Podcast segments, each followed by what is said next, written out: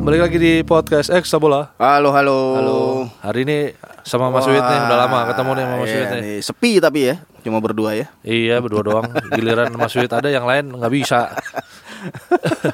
ya ini kita ngomongin ini deh di apa namanya soal AC Milan nih lagi banyak gujang ganjing ya. Ya, benar. Benar. ganjing. Jadi kemarin minggu lalu ya, minggu lalu itu si Boban dipecat. Dipecat, betul. dipecat. Terus di apa rilis resminya AC Milan nggak disebutin namanya cuma di li- rilisnya itu kan soal apa namanya eh, pengumuman soal dia dipecat itu di Twitter atau di Instagram nggak disebutin Boban apa gitu. Iya. cuma di dalam teksnya doang gitu kasihan amat ya jadi ada apa dengan Milan nih mas kayaknya Iya. kayaknya kayaknya apa ya eh gonta-ganti terus ya Benar, benar, apa benar. dari sisi manajerial ya Iya, iya. Emang ini sih kalau Milan eh, beberapa tahun terakhir ini terutama setelah eh, apa namanya dijual sama Berlusconi ini memang apa ya lagi eh, bisa dibilang dalam tanda kutip salah urus lah.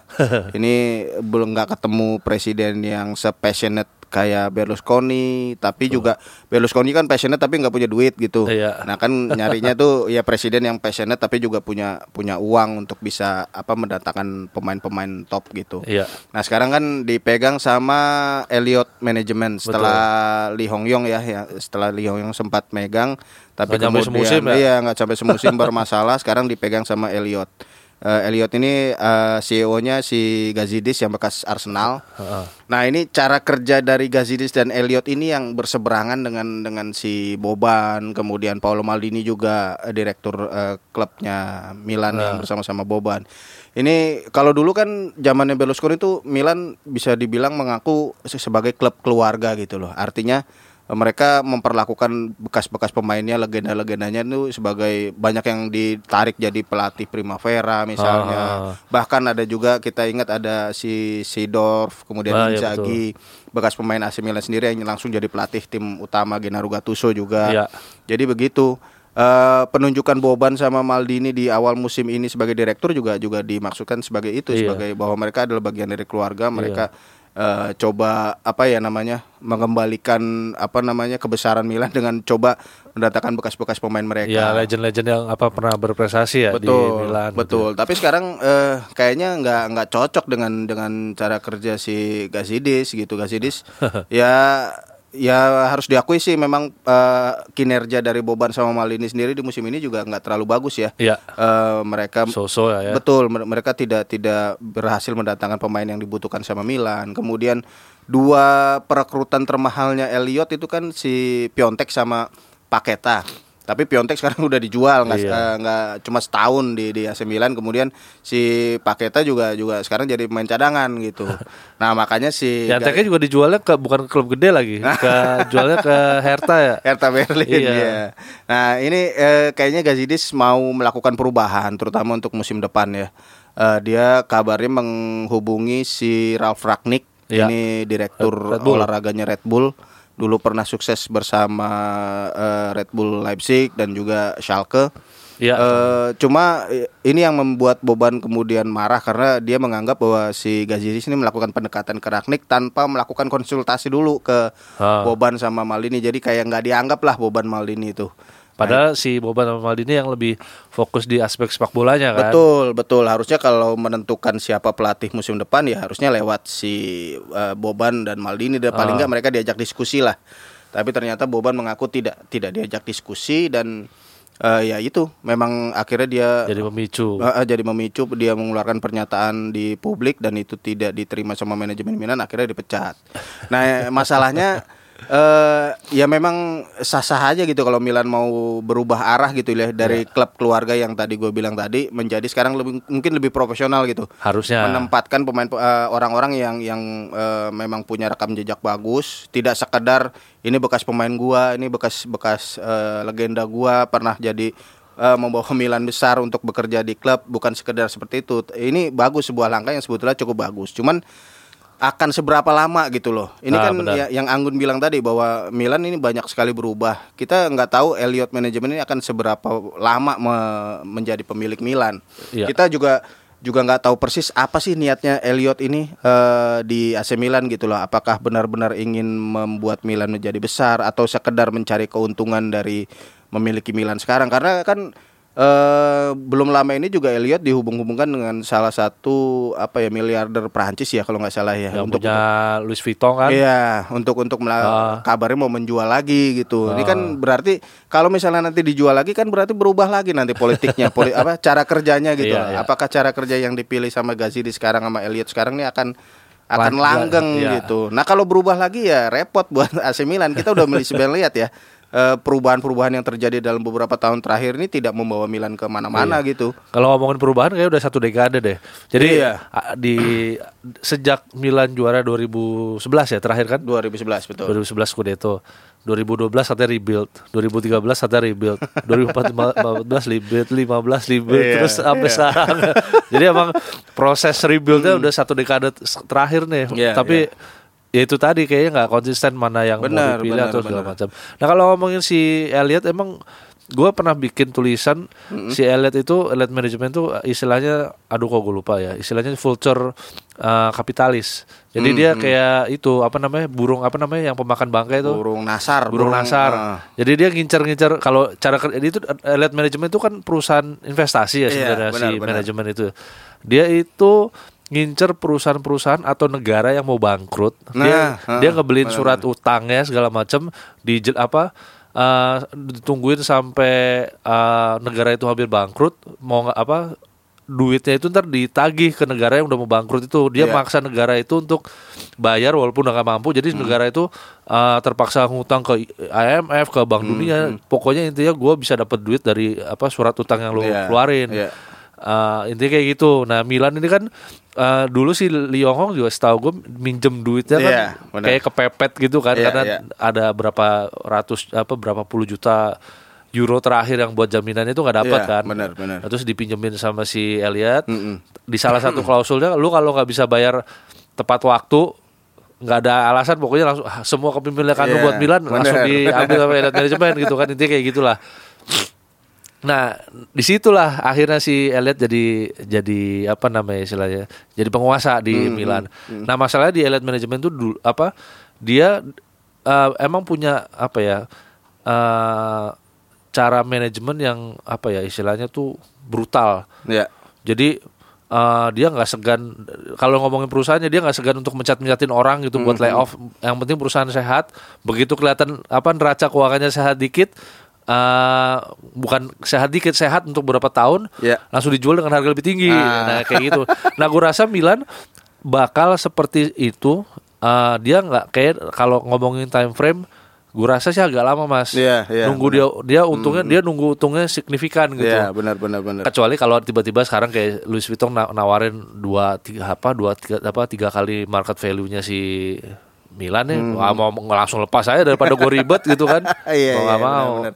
Ya udah kelihatan sih ya yang Anggun bilang tadi karena ini kan katanya sih musim depan mau mulai memberlakukan salary cap pembatasan gaji si Gazidi sama Elliot ini. Itu maksimal satu setengah juta euro sampai 2 juta euro per tahun. Ah. Coba bayangin pemain sekarang yang satu setengah juta euro sampai 2 juta euro pemain kayak apa gitu yang, Pokoknya yang- Lazio sama Ah. Atalanta itu makanya berarti jangan berharap bahwa Milan akan mendatangkan pemain-pemain mahal gitu. Ah. Bahkan kemungkinan pemain-pemain top mereka seperti Donnarumma, Romagnoli ini kan Ah. gaji-gajinya udah di Gede-gede. atas 2 juta euro. Ah. Udah hampir pasti dilepas karena kalau mereka tanda tangan kontrak baru mereka harus eh, maksimal 2 juta euro dan kan turun gaji sih itu pasti tuh nggak bakalan mau kan, nggak bakalan mau. Jadi ya ini Milan eh, kalau misalnya salah cap itu di- benar-benar diberlakukan ya eh, mereka akan seperti Atalanta atau seperti Lazio yang diperkuat pemain-pemain mediocre. Tapi eh, itu bukan hal yang yang jelek sebetulnya karena kita Betul. udah meli- bisa melihat bahwa Atalanta Lazio juga bisa sukses kok dengan dengan pemain seperti itu. asal Mungkin- proyeknya jangka panjang Betul, betul. Asal jangka panjang dan mungkin bukan bukan peraih Scudetto, bukan bukan jadi unggulan Scudetto, Ah. tapi paling enggak di papan atas tuh udah konsisten lah. Iya. Atalanta dan Lazio dan bener, ini harus jangka panjang, harus jelas gitu loh. Ah. Kalau udah jelas, eh, ya udah eh, nanti ngejar pemain yang yang, yang, sesuai dalam dengan salary cap Betul, yang dalam jangka dalam lingkup segitu-segitu aja gitu. Udah konsentrasi ke situ. Beban juga jangan terlalu tinggi. Setiap musim ini kan Milan oh, Sudah kita, apa? kita balik ke Liga Champions segala macam Muluk-muluk ya? ke terlalu muluk-muluk gitu. Ah. Udah ya mentalitasnya di kayak dibikin kayak si Atalanta sama Lazio dulu aja gitu. Jadi eh, susah itu gue rasa karena selama ini fans Milan kan ngerasa dia tim Iya, papan atas gitu loh. benar, bukan, bukan, benar. bukan gue bukan bagian dari tim uh, mediocre semacam ngomongin selevel sama Fiorentina aja ogah Iya, gitu loh. Maunya levelnya sama Juventus sama Iya, paling nggak sama Inter lah. Tiga dua tim itulah kan diharapkannya ke situ.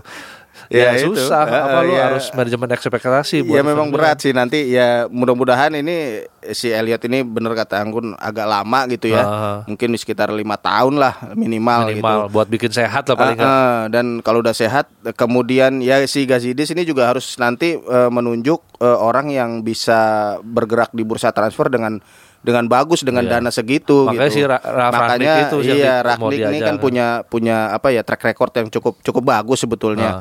Eh, pernah datengin si siapa eh, namanya si eh, Halan itu kan Erling Halan itu juga eh, buah da- tangan dari si ini juga Ya, si Ragnik di juga. Red Bull itu kan. Nah, kalau dia bisa melakukan seperti itu di Milan ya bagus. Ya. Artinya Milan bisa dapat pemain murah tapi Ah. bagus dan eh, kalau berkelanjutan ya udah politiknya akan seperti itu. Ya. Cara kerjanya akan seperti itu Milan. Jadi kalau ngambil contoh itu deh anggapnya kayak si siapa namanya si siapa kok gue lupa namanya presidennya Lazio siapa Si Aduh. Lotito. Iya kalau di Lotito itu kan pas awal-awal mengambil Mi- Lazio yang lagi berantakan Oh, iya, setelah iya. eranya itu setelah Si Kranyotti kan ya? Kranyotti, benar. setelah Kranyotti itu kan benar-benar apa pun pengeluaran dihitung Benar, salary benar. cap awal-awal emang pedih banget tuh Iya.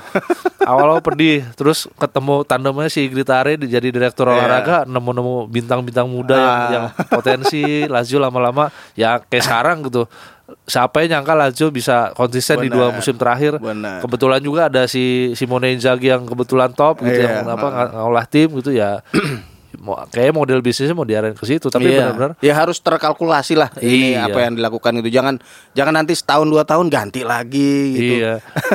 Itu Iya. itu nanti ya Milan nggak akan nggak akan membaik sih kalau gitu tapi kalau misalnya jangka waktu lama kemudian eh, mereka punya apa ya namanya yaitu kalkulasi perekrutan pemain yang jelas kemudian target yang jelas eh, pelatihnya juga jelas ini eh, ya mudah-mudahan sih cara seperti itu eh, bukan berarti haram dilakukan gitu. Dan bahkan udah ada bukti bahwa beberapa tim bisa melakukan itu Iya. Ngomong-ngomong si Ragnik itu mau dijadiin direktur atau jadi balik jadi Katanya pelatih? sih megang kendali semua, jadi pelatih juga, kemudian yang model-model manajer di di Oh. Liga Inggris lah. Dia megang direktur teknik juga, makanya sih kalau misalnya Ragnik datang pun si Boban sama Maldini ini perannya juga akan tersingkir gitu kayaknya sih. Iya.